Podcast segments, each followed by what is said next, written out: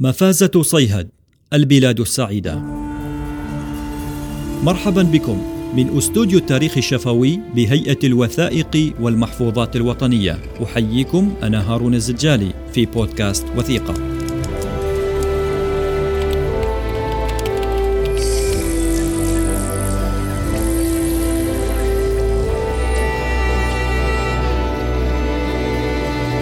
بودكاست وثيقة.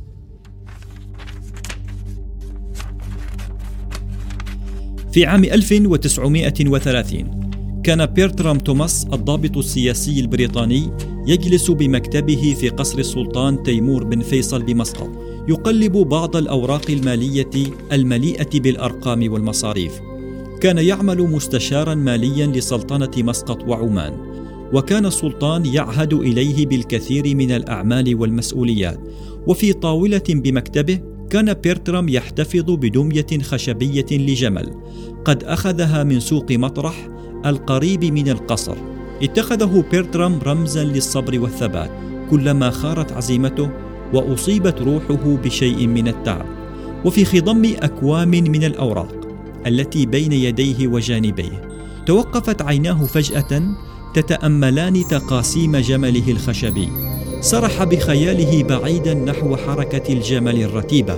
وجد نفسه في وسط الرمال رمال ذهبية وحمراء.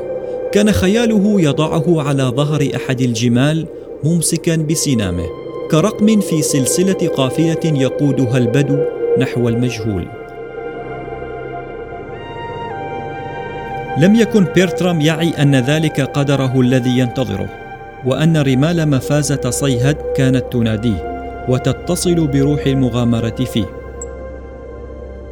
استيقظ من سباته، ثم لملم أوراق مكتبه جميعها، وأودعها في رف بجانبه، ثم أمسك بجمله الخشبي ورفعه أمام وجهه. تأمله قليلا، ثم وضعه في وسط الطاولة. اتسق لون خشب الطاولة مع لون الجمل، وتماهى كل لون فيهما كبقعة أرض لا تحتمل سوى الرمال.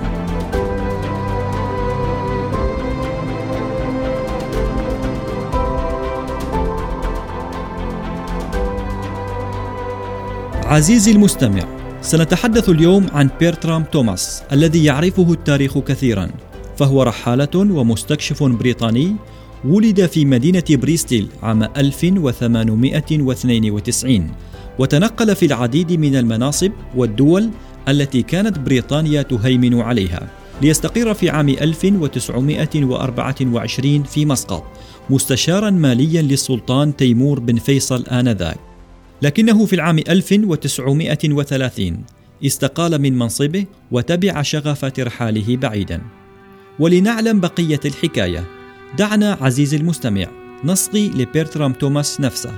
فوثيقة اليوم كتابه الشهير البلاد السعيدة الذي سيسرد لنا حكاية أول مستكشف غربي يقطع أكثر الأماكن سخونة وجفافا وقسوة على وجه الأرض. أرض سماها العرب قديما مفازة صيهد أو كما نسميها اليوم صحراء الربع الخالي.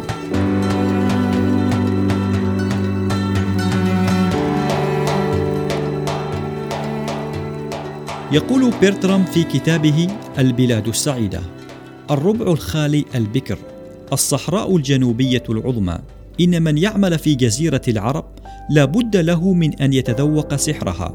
وقبل ستة أعوام عندما غادرت إدارة شرقي الأردن إلى بلاط مسقط وعمان كنت قد همت بأحلام سرية.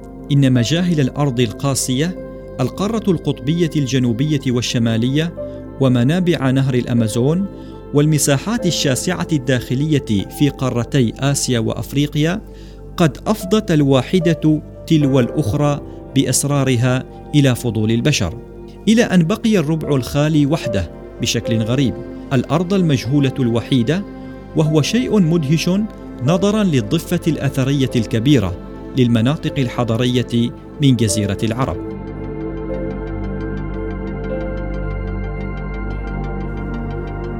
كان قرار بيرترام توماس سريا لهذه المغامرة. كما يقول لم أطلب من المسؤولين البريطانيين التصريح لي بما كنت أزمع القيام به بسبب ما تلاقيه هذه الرحلات الاستكشافية من متاعب في الصحراء العربية. وعلى هذا الأساس فقد كنت أعد خططي في الخفاء وألا يعرف من أمري شيء إلا بعد الاختفاء من المكان لبدء رحلتي.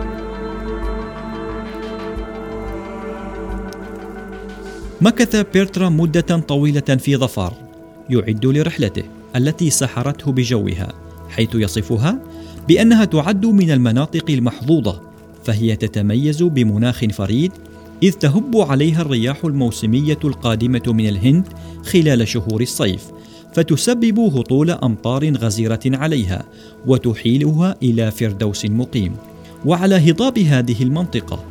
تتكاثر أشجار اللوبان التي يرجع لها الفضل في شهرة هذه المنطقة. بحث توماس كثيرا عن مرشد موثوق لرحلته ولم يجد أخبر وأعرف برمال الربع الخالي من الشيخ العماني صالح بن كلوت الراشدي الكثيري. كلف مساعديه معيوف وخويتم للتفاوض مع الشيخ صالح وبعد مدة طويلة وافق الشيخ وجاء إلى ظفار للتفاوض مع بيرترام والتنسيق للرحلة.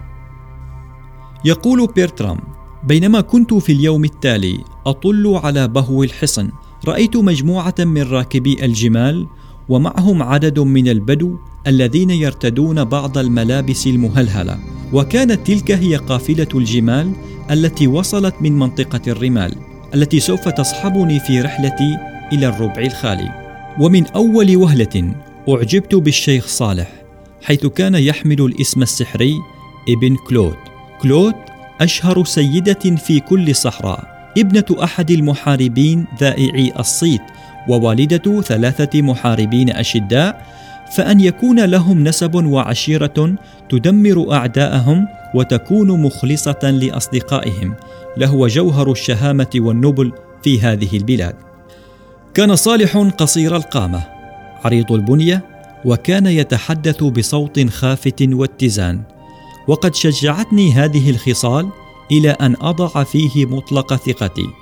وبعد أن كشفت له عن خطتي طلبت منه بأن يعاهدني على عدم إفشاء خبر رحلتي. وقلت له بأن ما أهدف إليه هو أن أقطع الربع الخالي من البحر إلى البحر.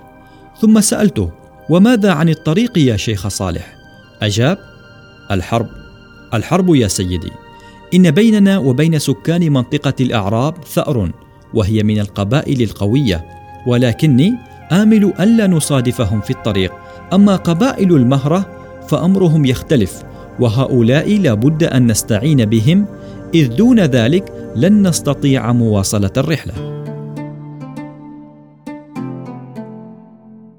بعد أيام انطلقت قافلة بيرترام توماس ومرشده الشيخ صالح من ظفار بتاريخ العاشر من ديسمبر عام 1930 كانت جموع من الناس في وداعهم وكان البدو متأبطين بحبال جمالهم حيث يقول بيرترام شيء واحد يمكن أن يشغل البدوي عند السفر ألا وهو بعيره أو ناقته لأن البدوي أحرص على جمله من أي شيء في الوجود. لدرجة أنه مستعد دائما أن يضحي بحياته في سبيل جمله. وكان الشيخ صالح قائدهم حيث حثهم على الحفاظ على متاعهم ومتاع بيرترام توماس من اللصوص. قال توماس في ذلك ولما كان الشيخ صالح يعرف طبيعة زملائه البدو ولما حضر صاح فيهم يا جماعة يا قوم إن زاد الوزير في أمانة الله وأمانتكم. وقد رد عليه الجميع في صوت واحد. تم تم.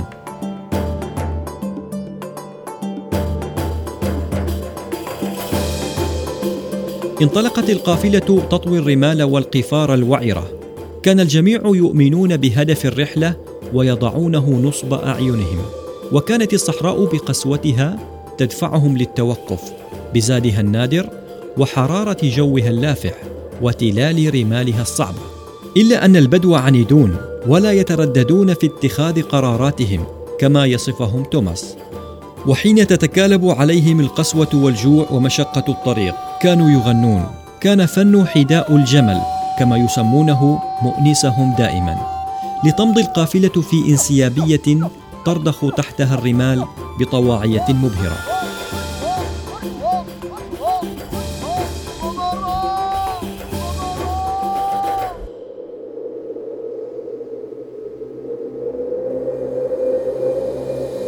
حمل توماس في ظهر جمله الكثير من أجهزة الرصد وتحديد المواقع يقول في ذلك كنت أصطحب معي طاولة أضع عليها تلك الأجهزة في الليل.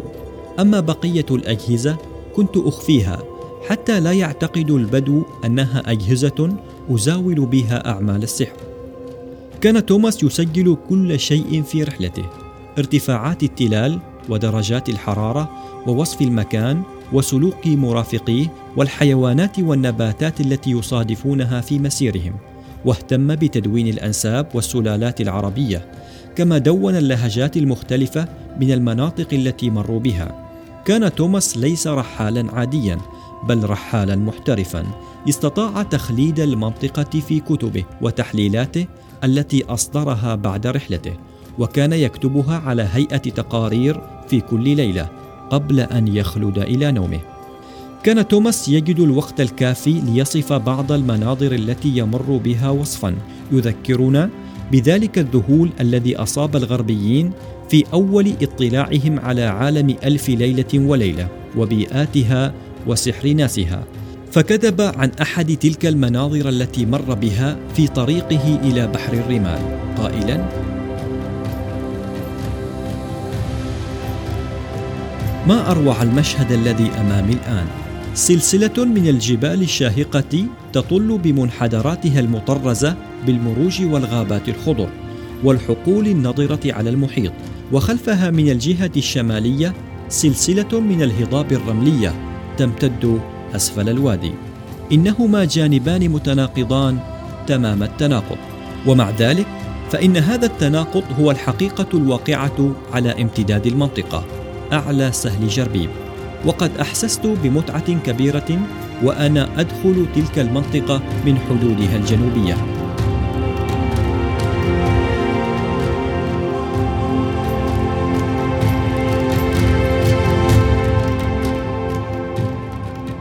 قطع توماس ورفاقه أكثر من 1300 كيلومتر من ظفار عمان إلى دوحة قطر. مروا بالكثير من المواقع الأثرية والكهوف التاريخية والمناطق النائية جدا. كان ذلك بمؤونة بسيطة وزاد قليل. وسرعان ما انتشر صدى خبر هذا الإنجاز في كل أنحاء العالم وأعده الكثيرون انجازا فائقا. وضع هذا الضابط السياسي البريطاني على الصفحة الأولى لصحيفة نيويورك تايمز تحت عنوان الرجل الأبيض يعبر الصحراء العربية للمرة الأولى. عزيزي المستمع يسعدنا أن تطلع على الكنز الوثائقي في هيئة الوثائق والمحفوظات الوطنية الذي يروي حكايات الرحالة الغربيين للمنطقة ويسرد لك دهشتهم فيها ويطلعك على تاريخ طويل من المغامرات والاستكشافات المبهرة.